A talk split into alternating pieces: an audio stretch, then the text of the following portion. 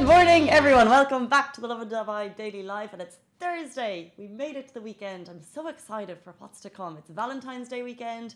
The weather is nice. It's a little bit warm. It's a little bit chilly. It's that perfect in between weather. You excited for the weekend, Chai? Good morning. Morning, Casey. I am, I am. I don't know what to do though, but I'm really happy with the weather. Do you have Valentine's plans? Sadly, I don't.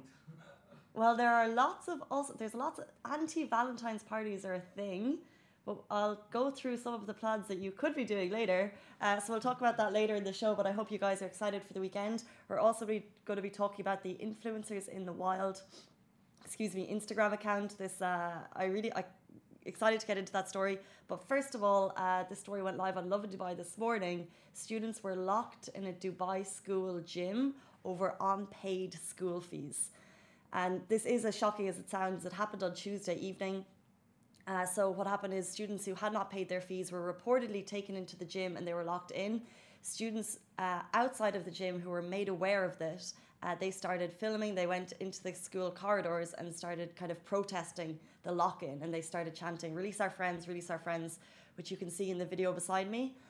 After that, then the police were made aware of it, and the police came to the scene, and also KHDA are also aware of it. And it's worth noting that before we get into it, the school denied the allegations to the police. Um, however, this is what the students are saying, and this is what some parents are saying. Some parents were saying they got to the school and it was just kind of a mess. Uh, the police were there. But I think in just in general, it's just a really shocking story. um, Story. I mean, it must be a nightmare for any parents who are unable to pay their school fees.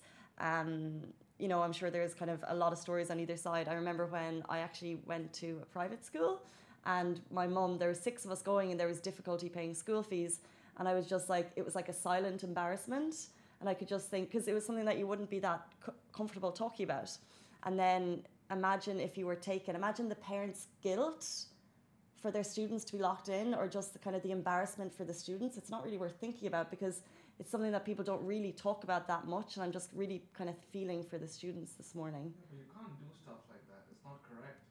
it's not right i don't know uh, so- I'm shocked in Dubai. yeah all the places, something like this. I'm shocked. It is really shocking, and it's it's it's it's shocking. I just wonder. So this is what I was getting at. Is it's a nightmare for the parents. It's a nightmare for the students, of course. But I'm trying to trying to think where the school was coming from, um, because of course kids aren't going to be able to fix that on the spot. They're not going to be able to pay the pay the fine or pay whatever the school late fees are. Maybe it was a warning, a message they were trying to send. But I just I'm trying to put myself in the school in the school's uh, shoes here, but I can't. You can't. In this situation, like, a- anything seems wrong right here. It really does. So, yeah, it's a it's a really really tricky one. Um, let us know your thoughts on it in the live. I'm flicking it on now onto Facebook. It's not coming up, but um, maybe it's there.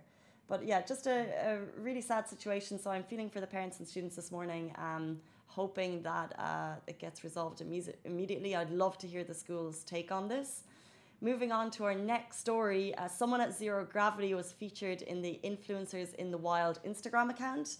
So you may or may not have heard of this account. In the it started in January, and in a month and a few days, it has gained 1.6 million followers. This is a huge following. Um, like it, let's say, for example, Lovin Dubai, our Instagram account. I think we we grow at a rate of about a thousand followers, new followers a week. It's a kind of a humble brag, but I, we're pretty proud of that. Uh, give or take a couple of days, but they grew 1.5 million in a month, um, which is incredible. So it comes from Tank Sinatra. You may or may not know the name. He has two more accounts, also have millions of followers, and he's known for kind of sharing good news stories on Thanks Not Your Good News. He's also kind of the meme king. Uh, but what he did in this one, it's a very, very simple idea, but people are loving it. The internet is obsessed with it. People are kind of gleefully watching it. Um, what he's done is he has taken uh, videos of you can kind of submit videos of influencers taking pictures in real life. So if you see someone out kind of posing or you know doing kind of the most extra thing you can do to get that shot, uh, then you post, sh- share, send it into Tank, and then he will share it. But I think there's kind of there's mixed opinion on it because although the internet is loving it because the whole kind of influencer shaming thing is what's happening. Uh, it's like a gleeful joy to watch the people that you know these influencer accounts get a lot of shame, but they also uh, they're also making a lot of money from it. But this is kind of the internet's fight back, I think. But then at the same time, you could call it maybe a little bit harsh on kind of the unwilling participants in this account. For example, and we're going to get to it now, someone from Zero Gravity was featured on the account, although you know, he may not exactly be an influencer. He was just kind of posing for a photo at a beach club, and now he's on this 1.2 million follower account getting shamed. The comments are not being kind about his haircut. I mean, it's not. So this is, although it's you know maybe fun to make fun of influencers. Uh, for some people, there's also I think the the harsh reality that it's um, it's a little bit cruel. I don't know, Chai. Do you know much about the account? Have you seen it? No, I actually haven't. I'm yeah. quite curious to know what the story's about. It's very new, so it's yeah, it's basically just uh, shaming influencers. So when you see people that are like posing, doing the most extra things out on the streets, you know, if you've walked past Dubai Marina and people are like jumping up and down, or especially you've seen people at the beach and they're you know doing like doing the most extra thing, like really posing. So this is when people take photos, like someone in like the public takes photos of the posing Oh. and sends it in. So the people have no idea that they're going to be shared into this account. So was this guy posting and someone took a photo of him? So this guy was posing at zero gravity, and this is the first Dubai inclusion on the account, which I think uh, we, we probably will see more of because I don't know about you guys, but I've seen I've seen a lot of this in our time. Um, so he was posing at zero gravity, uh, but you know he's who's to say he's an influencer? He's probably just a regular guy, and now he's being shamed. So I do think it can be harsh. That's it's like a double-edged sword. Kind of. I th- like when I first saw the account, I thought it was amazing. I thought it was funny, and I loved it. Uh, But now, the more I look at it, the more I see, I'm kind of like, eh, I don't know if it's okay. I'd love to get your thoughts on it. Have you seen the account? Um, No, but it's not okay to shame anyone. Like Exactly. That's not okay. Like you poke a little fun, that's fine. But then you know the internet, it'll take it to the next level. Exactly. So what? It's like he shares it fine, but it's the comments that are harsh, and like you know, whoever, regardless of what video it is, we're talking about the Dubai uh, zero gravity one, but any of them, it's the the person doesn't deserve just because they you know have no shame to pose in public does not mean they deserve your comments or your thoughts. Yeah. Because when you put it on your own profile, that's you putting it into the public forum. I don't know. I think there's actually there's quite a good debate about it. I'd love to get your thoughts on it. But we'll move on. It's Thursday. We're excited about the weekend. There is so much happening in Dubai. It's Valentine's. So we have we've actually discussed some of the most extra plans you could do in Dubai this weekend. You could, you know, go to Ossiano and spend a lot of money for like a diver to give you a personal message. But also there's kind of a lot of very chill things that you can do that are not that expensive. You could celebrate love. Or there's actually an anti-Valentine's party happening at Paramount Hotel which a couple of the Lovin Dubai team are going to be at. so if you guys are around, I think it's at a speakeasy down there. It sounds pretty cool on Friday night. We'll be going down. Um, but oh, this is something very romantic and cute at Dubai Opera. Uh, I hope I pronounced the name right. Charles Aznavour. So there's a tribute to the incredible French singer. And actually, I got one of his songs up. So uh, he has an incredible musical career. I think he's made 1,200 songs in his lifetime.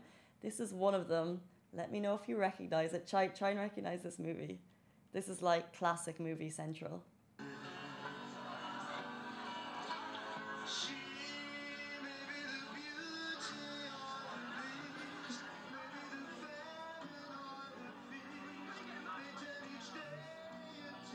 Family.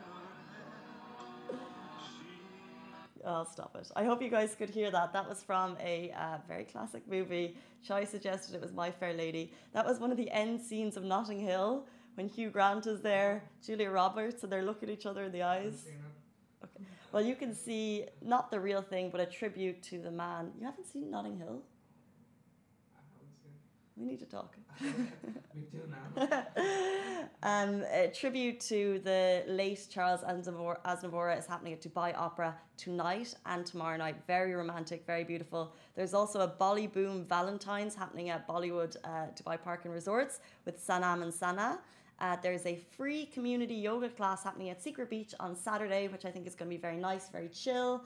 Sharjah Light Festival is happening. And of course, Dubai Cruise, Saturday, every Saturday. The weather is perfect. Tickets start from 199 dirham, and it's a brilliant Saturday out, day out. If you want the list of all of the things happening in Dubai this weekend, check it out on lovindubai.com, and we'll be back with you Sunday for more top stories. See you then, guys.